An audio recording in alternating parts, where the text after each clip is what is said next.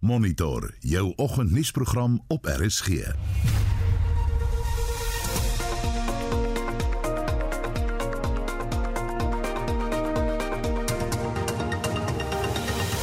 12 minute oor 7 in die tweede helfte van Monitor parlementslede debatteer oor die regering se ekonomiese verantwoordelikheid asook oor staatskaping. Ons kry 'n reaksie by 'n politieke ontleder Dr. Helen Kloete oor die tweede dag van die debat oor die staatsrede. 'n Baba van Atlantis by die Kaapstad by wie 'n seldsame bloedkanker gediagnoseer is, wag op 'n stamselskenker.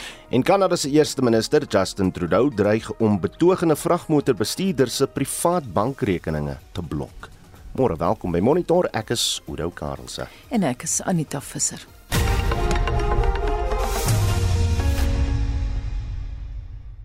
Die Nasionale Raad van Provinsies se hoofsweep, Sesumwai, verwerp beweringe dat president Cyril Ramaphosa die regering se ekonomiese verantwoordelikheid aan die privaat sektor oorhandig het. Hy het deelgeneem aan die tweede dag van die debat oor die staatsrede in die stadsaal van die moederstad. The president has admitted this and is handing over to their private sector. So they say. This mechanical understanding of how an economy works is dangerous. The state leads in investment, and this investment generates interest from private sector to get involved, and the state set the terms and conditions and what it wants to get out of any contractual agreement. At no time does the state leave economic stage. In fact, if it is not satisfied, it can penalize the private sector. Die DA parlementslid Leon Schreiber het president Ramaphosa gekritiseer omdat hy versuim het om aan die staatskapingskommissie te erken dat die ANC se beleid van kaderontplooiing staatskaping moontlik gemaak het. Where was your courage when you said you'd rather fall on your sword than reveal how taxpayer money was used to fund ANC campaigns? Where was your courage when you testified before the State Capture Commission? Instead of doing the courageous thing by acknowledging before Judge Zondo that the Cater Deployment Committee that you chaired between 2013 and 2018 enabled state capture, you tried to convince him that the committee is innocent. Now, thanks to the DA's work in exposing the minutes of the Cater Deployment Committee, we now know that this is not true. The minutes make it clear that Cater deployment is the very foundation of state capture.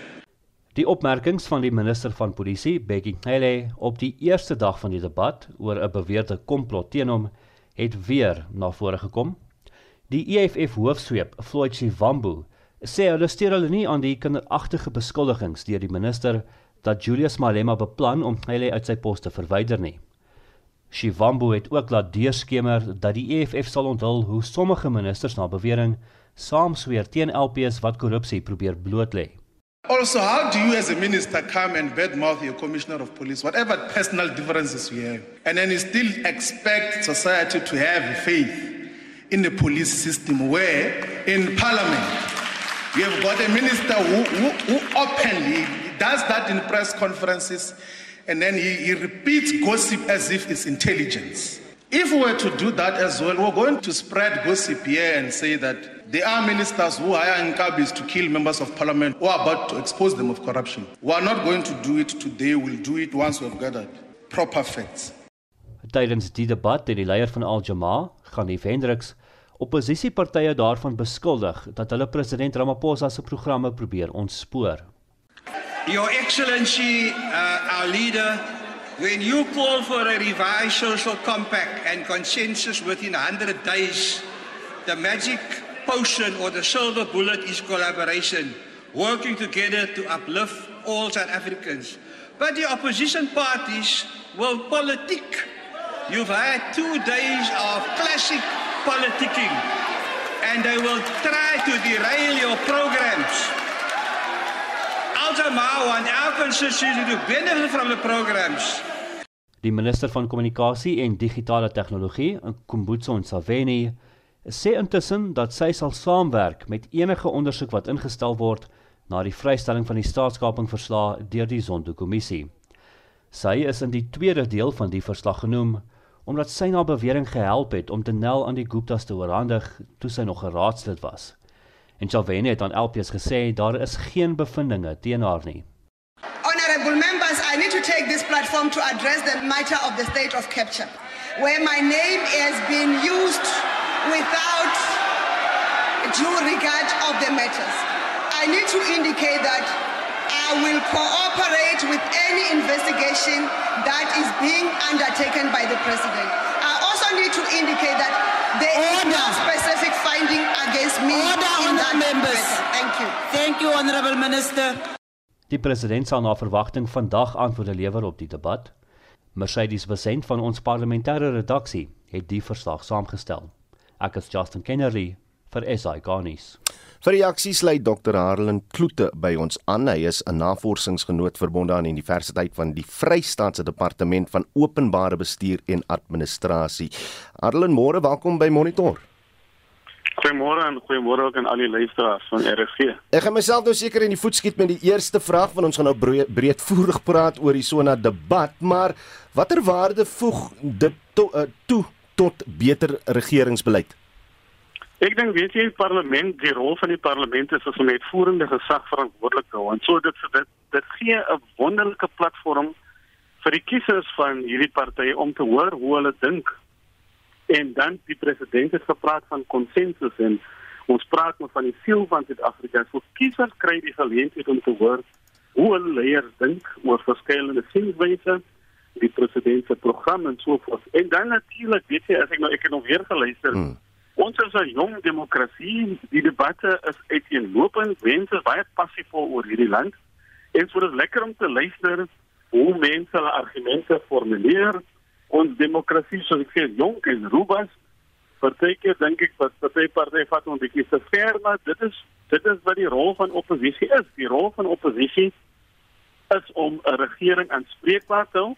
Ons praat baie van 'n patriotiese uh, uh oppositie om nie net te kritiseer for the sake of criticizing, maar om 'n konstruktiewe rol te speel en om te, om om hulle verskillende idees aan die tafel te kom. Dit is soos 'n uh, 'n uh, 'n terrein van gladiators. Mense het verskillende standpunte en uh, dit gee Suid-Afrikaners dink ek 'n geleentheid om na hulle politieke partye te luister of hulle natuurlik gestem het in die verkiesing.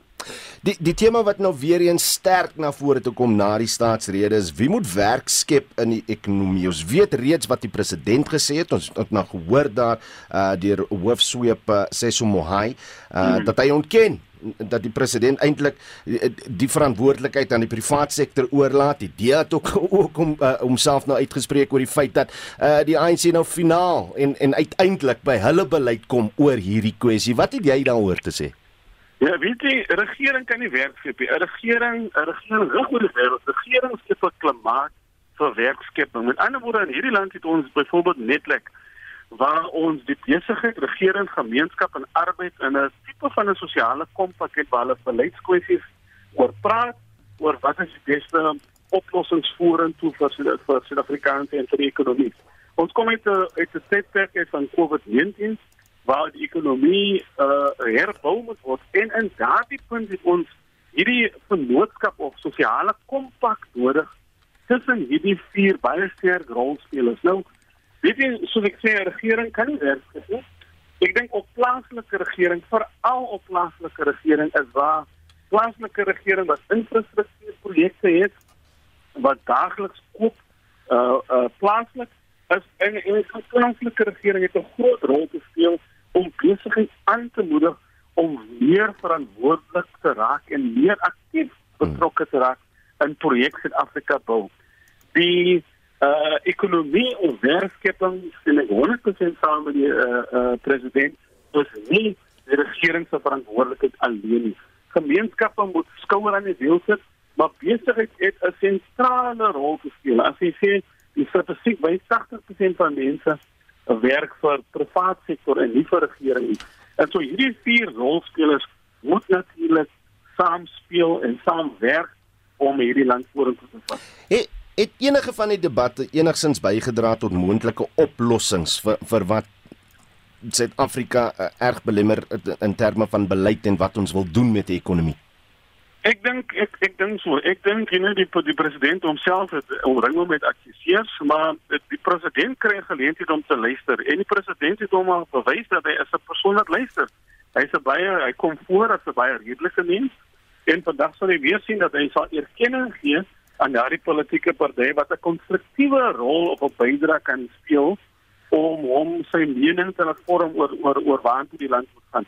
So ek dink glo, ek ek ek glo so dat dat dit uh, dit dit speel 'n rol in terme van Suid-Afrikaners kan weet hoe hulle politieke parleiers dink en die president het hom het hom bewys ook al as iemand wat luister en wat erkenning gee waar erkenning uh, uh, nodig is.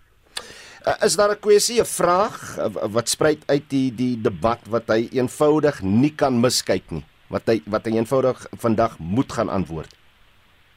Ek dink die die vraag is is hoe vat hy vorentoe die president word beskuldig dat hy baie keer traag om besluite te neem.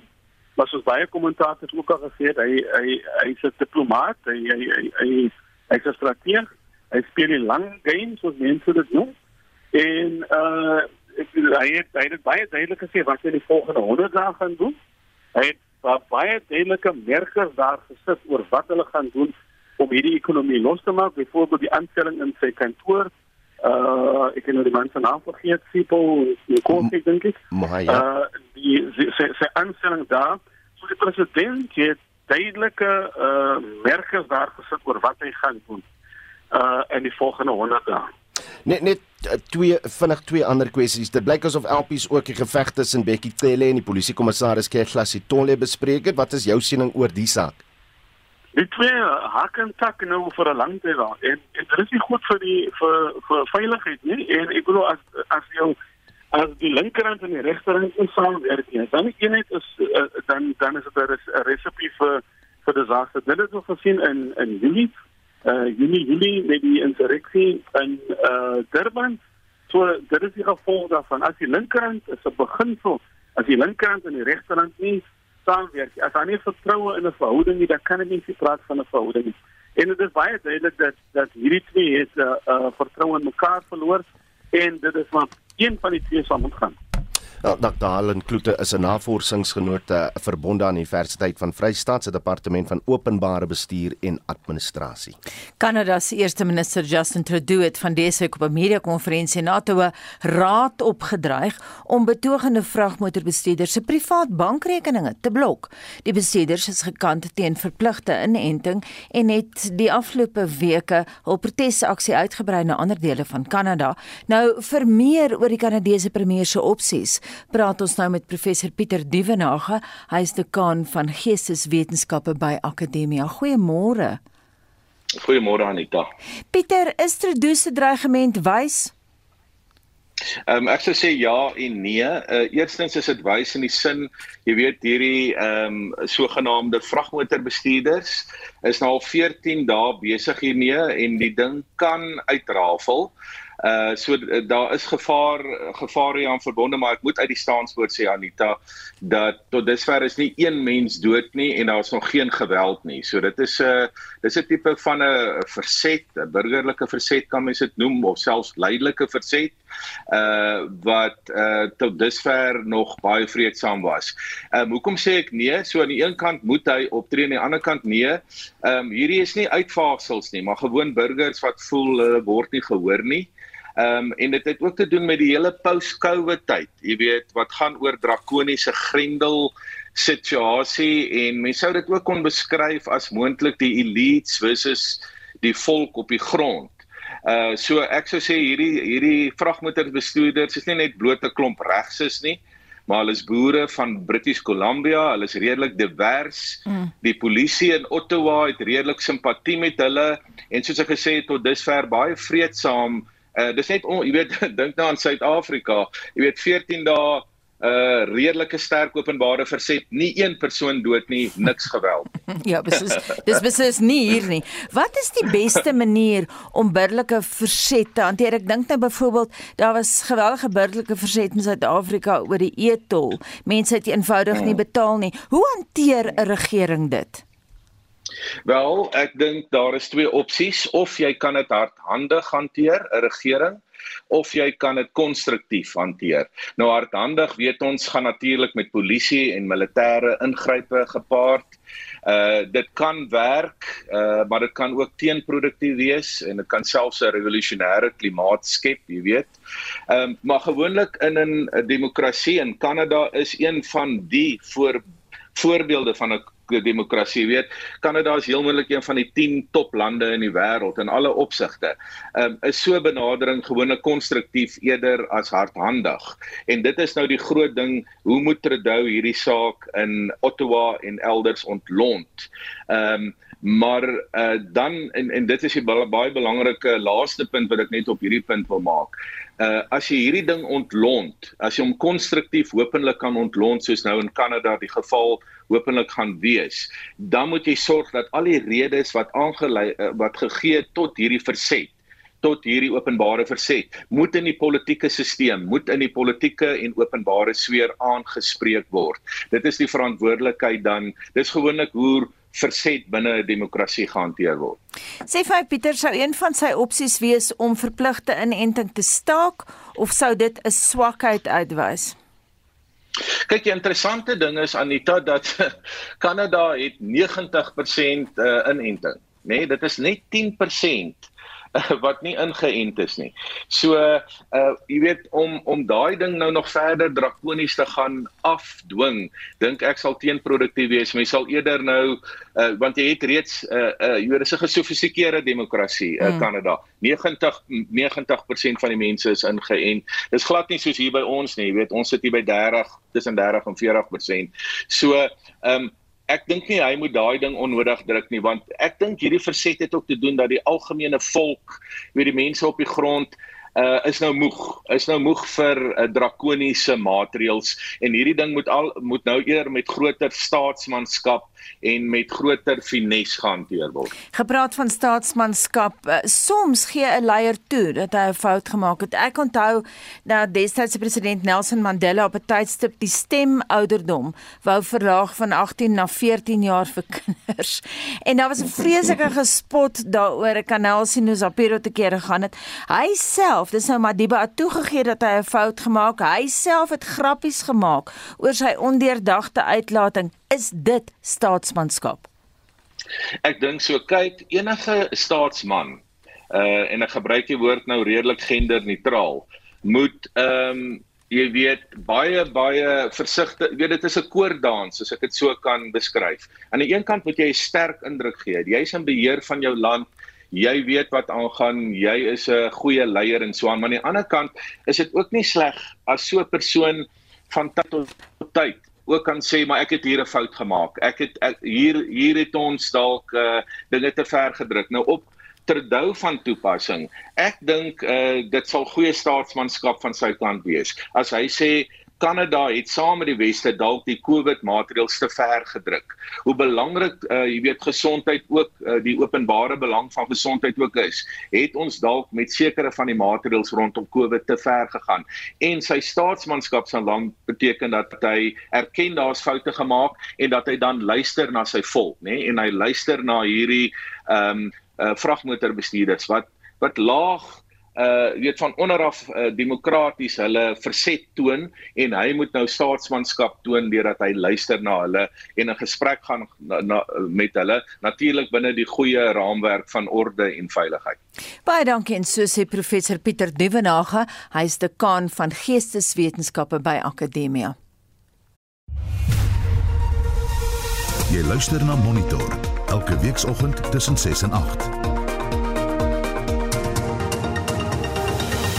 7:30 en in die nuus. Die Menseregte Kommissie het amptelike ondersoek gelas na die rassegeskil by die hoërskool Jan Viljoen in Randfontein. Uitspraak word vandag verwag in oud-president Zuma se aansoek om verlof tot appel dat advokaat Billy Downer aan sy korrupsiesaak onttrek moet word. Bly by Monitor. Daar is geen verkeer.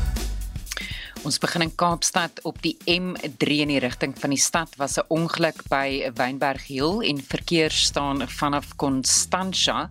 Daar was ook 'n ongeluk by Stellenbosch en Simfonieweg in die rigting van die R300 en van die bane daar word versper.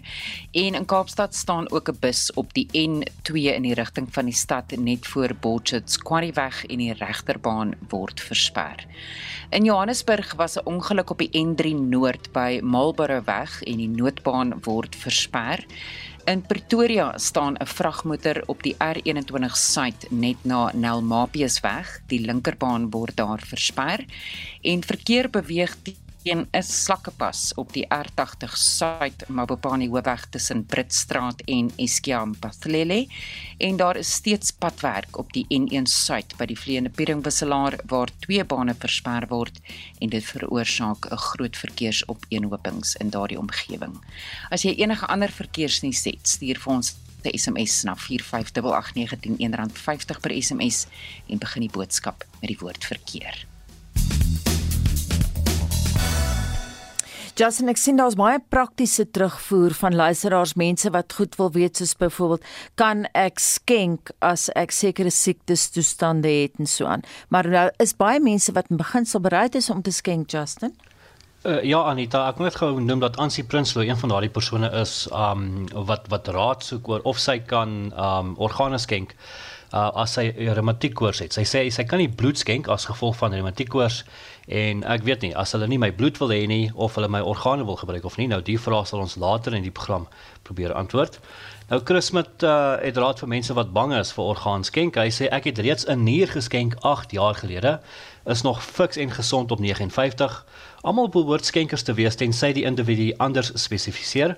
Elke skenker kan tot 7 lewens krities verander en op nog meer 'n verskil maak, skryf hy op ons SMS-lyn. En Ria Lou sê ek het besluit om my hare te skenk as ek net in aanraking kan kom uh met mense wat dit soek en sy sê sy het Parkinsons. En dan laat weet 'n naamlose luisteraar, ek sal nooit organe skenk. Die wêreld is klaar oorbevolk en nou nog mense onnatuurlik aan die lewe hou. Absurd. Die aarde kreun onder die oorbevolkte mensdom, skryf die uh, anonieme luisteraar vir ons. Nou ek is uh net voor 8 weer terug, so ek het nog 'n laaste kans om jou terugvoer in te stuur. Ons wil by jou weet, um, is jy 'n orgaanskenker of is dit iets wat jy ernstig oorweeg? Laat weet ons op ons SMS lyn by 45889. Dit kos R1.50 per SMS of gemaak goue draai op ons Monitor en Spectrum Facebookblad by facebook.com voorskynstreep ZARSG. En vir daai luisteraar wat haar hare wil skenk, onthou Kansa het elke jaar 'n veldtog.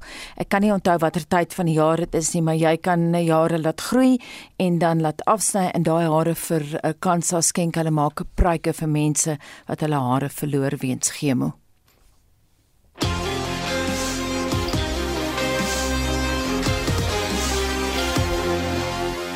Shaun Jooste staan gereed met vanoggend se sporthoogtepunte.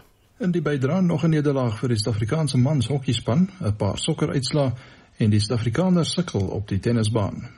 Die mans Protea span het al 5de wedstryd van die Hockey Pro Liga reeks gisteraand teen Frankryk met 4-1 verloor. Frankryk was rustig 2-0 voor.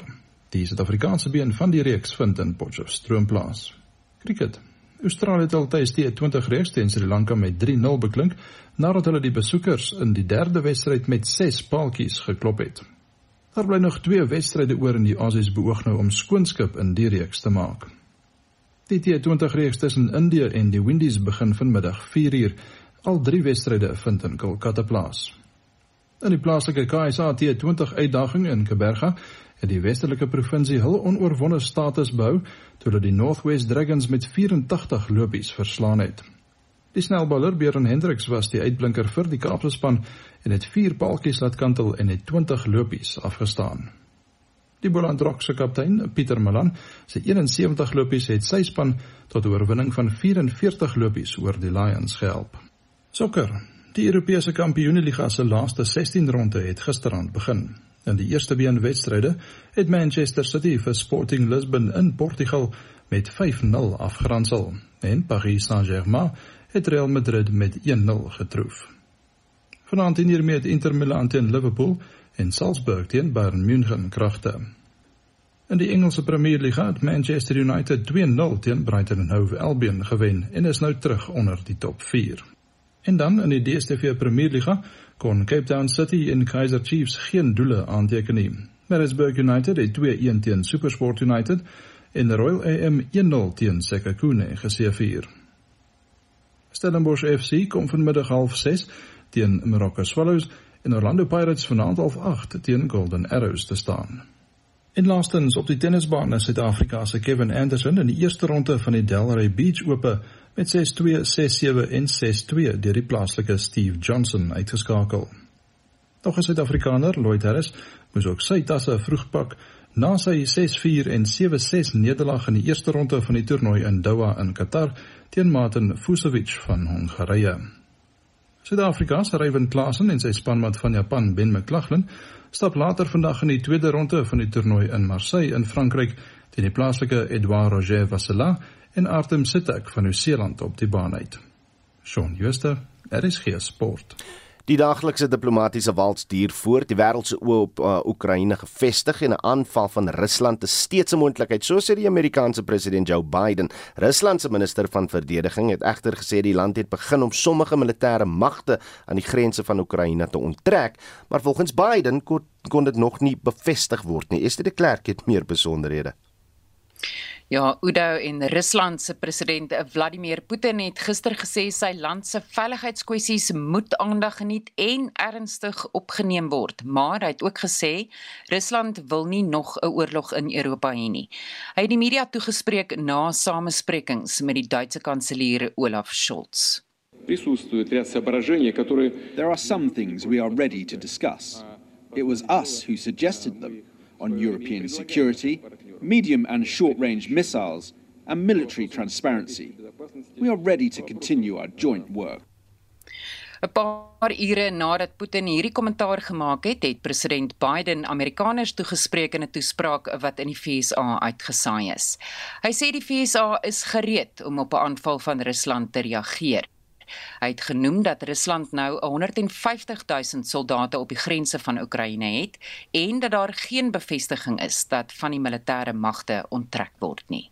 If Russia attacks Ukraine, it'll be met with overwhelming international condemnation.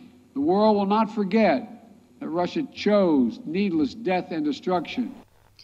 Biden sê hy het ingestem met 'n voorstel van die Russiese regering dat diplomatieke samesprekings moet voortgaan. Hy het egter gewaarsku dat die Amerikaanse ekonomie daaronder sal ly as energievoorsiening ontwrig word en prysstygings gehê word as sanksies teen Rusland ingestel word in reaksie op enige aanval van Rusland op Oekraïne. Die Britse eerste minister Boris Johnson sê ook daar is geen versekering van Rusland dat hy wel militêre magte begin onttrek het nie. The intelligence that we're seeing today is still not encouraging. You've got more battalion tactical groups actually being brought closer to the border uh, with Ukraine, according to the intelligence that we're, we're seeing. So, mixed signals, I think, at the moment.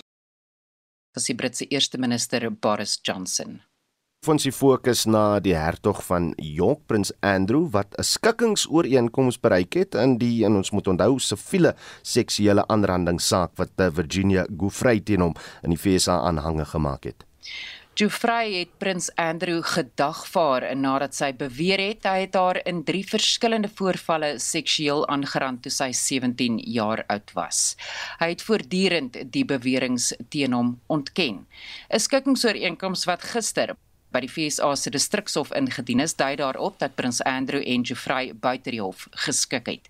Dit dui aan dat hy geen erkenning van skuld maak nie, maar dat hy 'n onbekende bedrag geld aan Geoffrey sal betaal, insluitend 'n beduidende bedrag aan haar liefdadigheidsorganisasie wat slagoffers se regte ondersteun. Geoffrey se regsverteenwoordiger het aangedui die partye het 'n skikkingsooreenkoms in beginsel bereik. 'n Verklaring wat by die skikkingsooreenkoms ingesluit is, lui die partye sal 'n gestipuleerde ontslag indien by Geoffrey se ontvangs van die skikkingsbedrag. Gloria Alfred is 'n regsverteenwoordiger vir seksuele aanrandingsslagoffers. Overall, it's a very positive for her. It's also positive for him, but he's the real loser in all this because of the terrible public relations blow he suffered as a result of all of it. Buckingham Paleis het geen verklaring tot dusver uitgereik nie en die koninklike biograaf Penny Junior het haar mening aan die BBC gegee. I think for the royal family, this was really the only decision that Prince Andrew could have taken. This will save months of embarrassing revelations coming out and spoiling the Queen's Platinum Jubilee year. Dit is onseker presies wat prins en uh, prins Andrew se toekoms nou inhou, maar in die skikkingsooreenkoms het hy laat blyk dat hy sekshandel in die toekoms sal teenwerk. Dit was Estie de Klerk met 'n oorsig oor vandag se wêreldnuus. Ons keer terug na tuisbodem en dis 'n wedloop teen tyd vir Baba Graceland Green van Atlantis by te Kaapstad. Sy wag op 'n geskikte skenker vir 'n stamsel oorplanting nadat 'n seldsame vorm van bloedkanker by haar gediagnoseer is. Die Suid-Afrikaanse Beenmurg Registerkoördineerder die, eh, die soek eh, lei die soektog en vra dat veral mense van kleur hulle self laat toets. Annelien Moses doen verslag. Die 14 maande oue Gracelyn Green is in Augustus verlede jaar gediagnoseer met jeugtige myelomonositiese leukemie. Haar tante Liesel Solomons vertel hoe sy onraad begin vermoed het. Sy was 'n bietjie siekerig. Sy het op die oomblik tande gesny, toe sy siek raak en sy het 'n uh, 'n magie was 'n bietjie opgeswel. En toe het ek aanvanklik gedink dis miskien net dat sy miskien nou nie kan uitgaan nie en dis maar nou net haar tande wat sy sny wat haar nou so siek maak. Maar die tweede aand toe sy nou nie kan slaap nie en nie altyd nou maagkrampies het en so aan toe besluit ek nee, ek gaan maar nou die volgende dag vir kliniek toe vat. En toe het ek net besluit op pad so te neem en toe draai ek om en toe vat ek van uh, die dokter Dr. Maya hierso in Atlanta, die privaat dokter toe. Ek weet nie of ek kan sê dit was 'n gut feeling nie, maar ek het gevoel iets is reg. En daar's bietjie meer aan dit as net constipation. Die dokter kon nie vasstel wat fout is nie, maar het hulle per ambulans na die Rooikruis Kinderhospitaal gestuur. Solomon sê na allerlei toetse wat 2 en 'n half weke geduur het, het Gracelyn se diagnose haar soos 'n vuishou getref. Die traan het net geloop. Ek het die woorde gehad nie. Ek het nie geweet wat om te voel nie. Ek het nie geweet hoe om te voel of wat om te sê nie. Ek kon nie glo nie. Ek ek, ek kan onthou ek, ek weet ons moenie vra vra nie, maar ek kon onthou ek het gevra regtig dit ook. Hoekom? Want ek het nie verstaan hoekom almal weer goed moet gebeur met ons nie en so 'n klein babietjie, ek bedoel, dis amper half onregverdig. So ja, dit was moeilik. Dit was 'n uh, baie swaar en bitter pil om te sluk. Gracelyn gaan elke 3 weke vir 7 dae sessies van chemoterapie, maar die behandeling was tot dusver onsuksesvol. Dit maak nie seker nie, maar dit kio nie kanker nie, maar omdat dit dan nie seker maak nie en dit hou va basies gesond genoeg dat ons by 'n transplant kan kom, gaan hulle maar nou voortgaan met die derde blok en dit is wat sy nou in Januarie gedoen het aan die derde blok. Hulle het vier blok gekoop van die isositidine, dit is die chemoterapie wat sy op is. Maar die instruksie was om 3 blokke te gee en te review. En dit is wat hulle gedoen het en nou dat hulle gereview het, sien hulle dat dit is nie waar ons wil wees nie, so ons beweeg na oorplanting toe.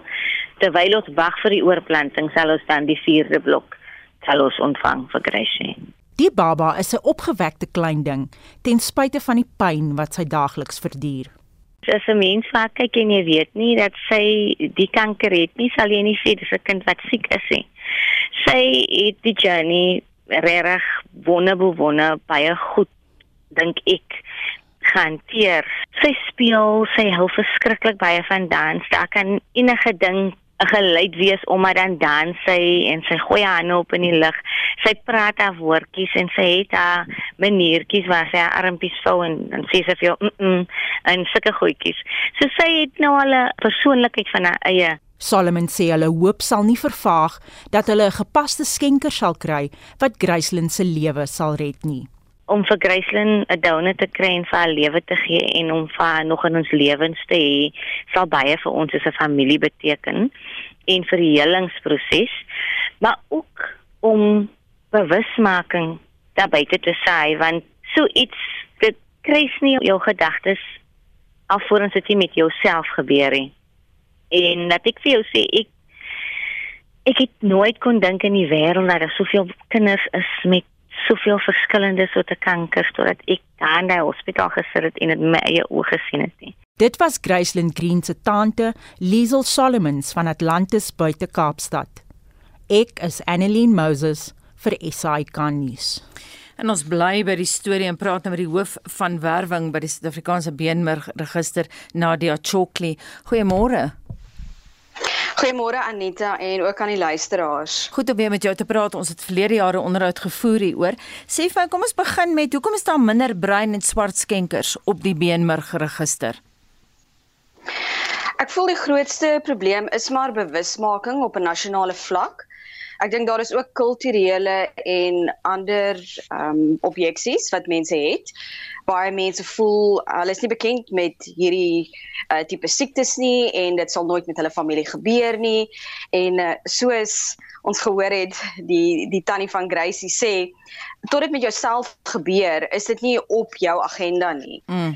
En daarom probeer SABMR wesentlik in elke hoek van Suid-Afrika kom om die nodige bewusmaking te doen en om mense net gerus te stel. Ek dink die die hele uh beenmergskenking en die proses laat mense terugduins. Dit dit is nogal vreesaanjaend, maar ehm um, ja, ek hoop ons bewusmaking sal mense meer inligting gee dat hulle besef dat dit nie so so ingrypend is soos dit voorheen was nie. Nadia, ons het 'n klomp vrae van luisteraars wat op praktiese aspekte geskwee is 'n vreeslike geraas daar aan jou kant van die lyn. Nadia, net eersins voor ons by luisteraars se vrae uitkom, wat is Graceland se kanse om 'n gepaste skenker te kry? In 30% van gevalle word 'n skenker in die familie gevind. Maar vir die oorblywende 70% is al enigste hoop 'n skenker deur die Suid-Afrikaanse beenmergregister. So ons moet ten minste 100 000 mense vir Gracie probeer werf om wesenlike verskil te maak. En dan 'n paar praktiese vrae. Hanna wil weet, verduidelik asseblief, op watter stadium word jou liggaamsdele geoes as mens 'n skenker is? Dis nou Hanna wat wil weet. In ons geval is jy bewus van die hele prosedure. So ons neem jou op die oggend in 'n hospitaalfasiliteit. Jy is wakker ten tye van dit en dit is baie soortgelyk aan 'n bloedskenking. Ons wil jou op hierdie stadium net eers jou DNA op die register kry sodat ons daagliks jou deel kan maak van die die soekproses. En eers as jy 'n gepaste skenker is, as ons jou geïdentifiseer het as daai gepaste skenker vir 'n pasiënt, dan sal ons jou kontak. En dan is daar ook 'n luisteraar wat wil weet, kan organe geskenk word as jy ly aan 1 diabetes, 2 hoë bloeddruk en 3 cholesterol? Diabetes in in ons aansoekvorm as jy heidaglik op insulien is, kan jy nie aansoek doen nie. Die hoë bloeddruk en meeste ander kondisies solank dit nie 'n bloedverwante siekte is nie, as jy dit wel onder beheer het en jy is op kroniese medikasie wat nie kortison in het nie, dan behoort ons jou aansoek te aanvaar solank jy dan ook tussen die ouderdom van 16 en 45 is. En dan is daar 'n kollega wat wil weet, is dit pynlik om beenmerg spesifiek beenmerg te skenk? ja, dit dit is nog altyd die vraag.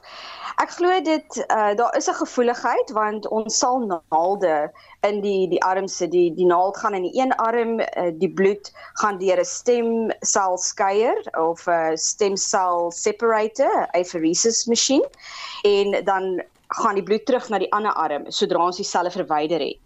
So daar is 'n gevoeligheid vir die naald asof jy bloed sou skenk mm. of um, net vir jou eie bloedtoetse gaan ek dink mense voel 'n bietjie moeg of hulle dalk 'n bietjie hoofpyn want ons ehm um, dien 'n uh, faktor toe vir 5 dae wat die stemselle vrystel sodat jou liggaam meer maak van dit as wat jy normaalweg sou maak en dit dan vrystel in jou sirkulerende bloedstroom.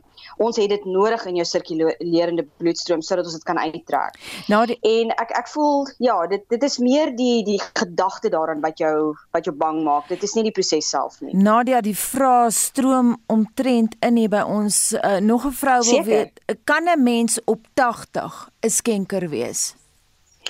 Ongelukkig nie. Ehm um, of ons dit nou wil aanvaar of nie, ons word maar ouer en daar is net 'n beter uitkoms vir die pasiënt selfgewys as die skenker onder 45 is. En dan net nog 'n vraag, eh, kan jy 'n skenker word as jy onlangs COVID gehad het? Daar is 'n 10 dae wagperiode na jou laaste dag van simptome maar as jy 'n vaksinasie of ehm um, tweede of derde vaksinasie gehad het, dan kan jy gerus aansoek doen. Baie dankie. Ons hoop uh, ons luisteraars kan van hulp wees vir Graceland, maar Monitor sal baie beslis daai storie dophou. Dit dan Nadia Chokli sy's hoof van werwing by die Suid-Afrikaanse Beenmurg Register. Ja, ons wens uh, Bamba Graceland alles van die beste toe Daar is geen verkeer. In Johannesburg was 'n ongeluk tussen verskeie voertuie op die N3 Noord by die Gululies wisselaar. Die regterbaan word versper. In Midrand was ook 'n ongeluk tussen verskeie voertuie op die N1 Suid by die Allendale afrit en die regterbaan word versper. En in Pretoria was ook 'n ongeluk tussen verskeie voertuie op die N1 Suid net na die vleiende pieringwisselaar waar die linkerbaan versper word. In Pretoria staan ook 'n voertuig op die N1 Suid net na die ou Johannesburgpad en die linkerbaan word versper. In KwaZulu-Natal staan 'n voertuig op die N3 Oos net na die Paradysvallei wisselaar en die linkerbaan word versper en daar staan ook 'n voertuig op die N3 Wes net na die Pieter Brown weg afrit en die linkerbaan word versper. Bestuur veilig waar jy ook al vandag ry. 756 Justin jy het 'n laaste spreekbeurt. Ek moet sê die SMS uh, kom in teen 'n spoed en baie mense het praktiese vrae. Ja, en ook praktiese raad, soos Trudy Troeter wat sê dis 'n onderwerp wat elke dag bespreek moet word deur elke familie. En moenie net gebeur as jy familie het wat orgaan nodig het nie. Dis soos bloedskenk maak 'n verskil sê sy. Die slegste plek om dit te bespreek is in die trauma eenheid, alhoewel meeste gesprekke daar plaasvind. Uh, sy sê sy glo dis die moeilikste plek om so besluit te neem. Dit is hoekom daar liewer reeds besluite geneem moet word terwyl almal rustig is en daaroor gesels. En jou familie moet jelaas ook weet dat jy graag jou organe wil skenk. Jolande Jansen van Vieren sê my ma was 'n suster en was ons ons het altyd gepraat oor orgaanskenking en hoe wonderlik dit is. Toe is sy skielik oorlede op 59, was dit eers gevraag of ons haar organe sou skenk nie. Sy het 6 mense se lewens gered. Ek kan nie vir julle beskryf hoe goed dit voel dat sy selfs na haar dood nog steeds lewens gered het nie. Ons kry elke jaar 'n anonieme brief van die lewerontvanger en sy familie. Dit voel of daar nog 'n stukkie van haar voortleef. Die mense wat werk met die orgaanskenking, uh, sê Janandi, is ook wonderlike mense. Karen Kriek uh, is 'n geregistreerde skenker. Sy skryf dit kan so baie lewens red met organe en ook die res van jou weefsel, uh, jou kornea ensovoorts kan gebruik word. Dit is jou aardse liggaam, jou siel is lankal nie meer daarin nie. En Anne-Marie Jones sê my kleinseun het sistiese fibrose en portal hypertension wat beteken dat hy graad 2 lewerversaking het. Daar is ook mense in die sistiese fibrose groep wat al lewer en longoorplantings gehad het, so al my en my familie se organe sal daar wees om ander te red. Martie skryf op ons SMS-lyn: "Goeiemôre, ek is 'n parapleeg. My knie nog nooit gewerk nie. Sal dit skenk. ek sal alles wat ek kan skenk na my dood en my hare spesifiek gegroei vir kankerleiers. Dankie vir daardie boodskap, Martie. En Jack Pinaar uh, skryf uh, wel, hy was in die army. Ons moes sê of hulle organe sou skenk of nie. En agter my in die tou was my pel. Vat die hele lot. Doen daarmee wat jy wil, het die vriend van hom gesê en hy stem heeltemal saam daarmee. En uh, Petronella van Heerden bot maar die laaste woord. Sy sê my liggaam ook geskenk aan 'n uh, universiteit vir studente om op te oefen. Ek het nog op 79 al my organe nog geen operasies ondergaan nie. En baie dankie vir almal se terugvoer en saamgesels vanoggend. Dankie Justin, net so vinnig, wat kan ons op uh die spektrum verwag vandag Marlene? Oud-president Jacob Zuma is in die hof hy hoor of sy aansoek om die hoofstaatsaanklaer Billy Downer te verwyder van sy korrupsie verhoor goedgekeur kan word. Die openbare feite tussen die minister van polisie Bekkie Cele en die polisiekommissaris Kehla Sitole word bestempel as 'n bedreiging vir nasionale sekuriteit en Suid-Afrika gaan meer as net brandstoftekort hê as BP en Shell se aanleg te sluit.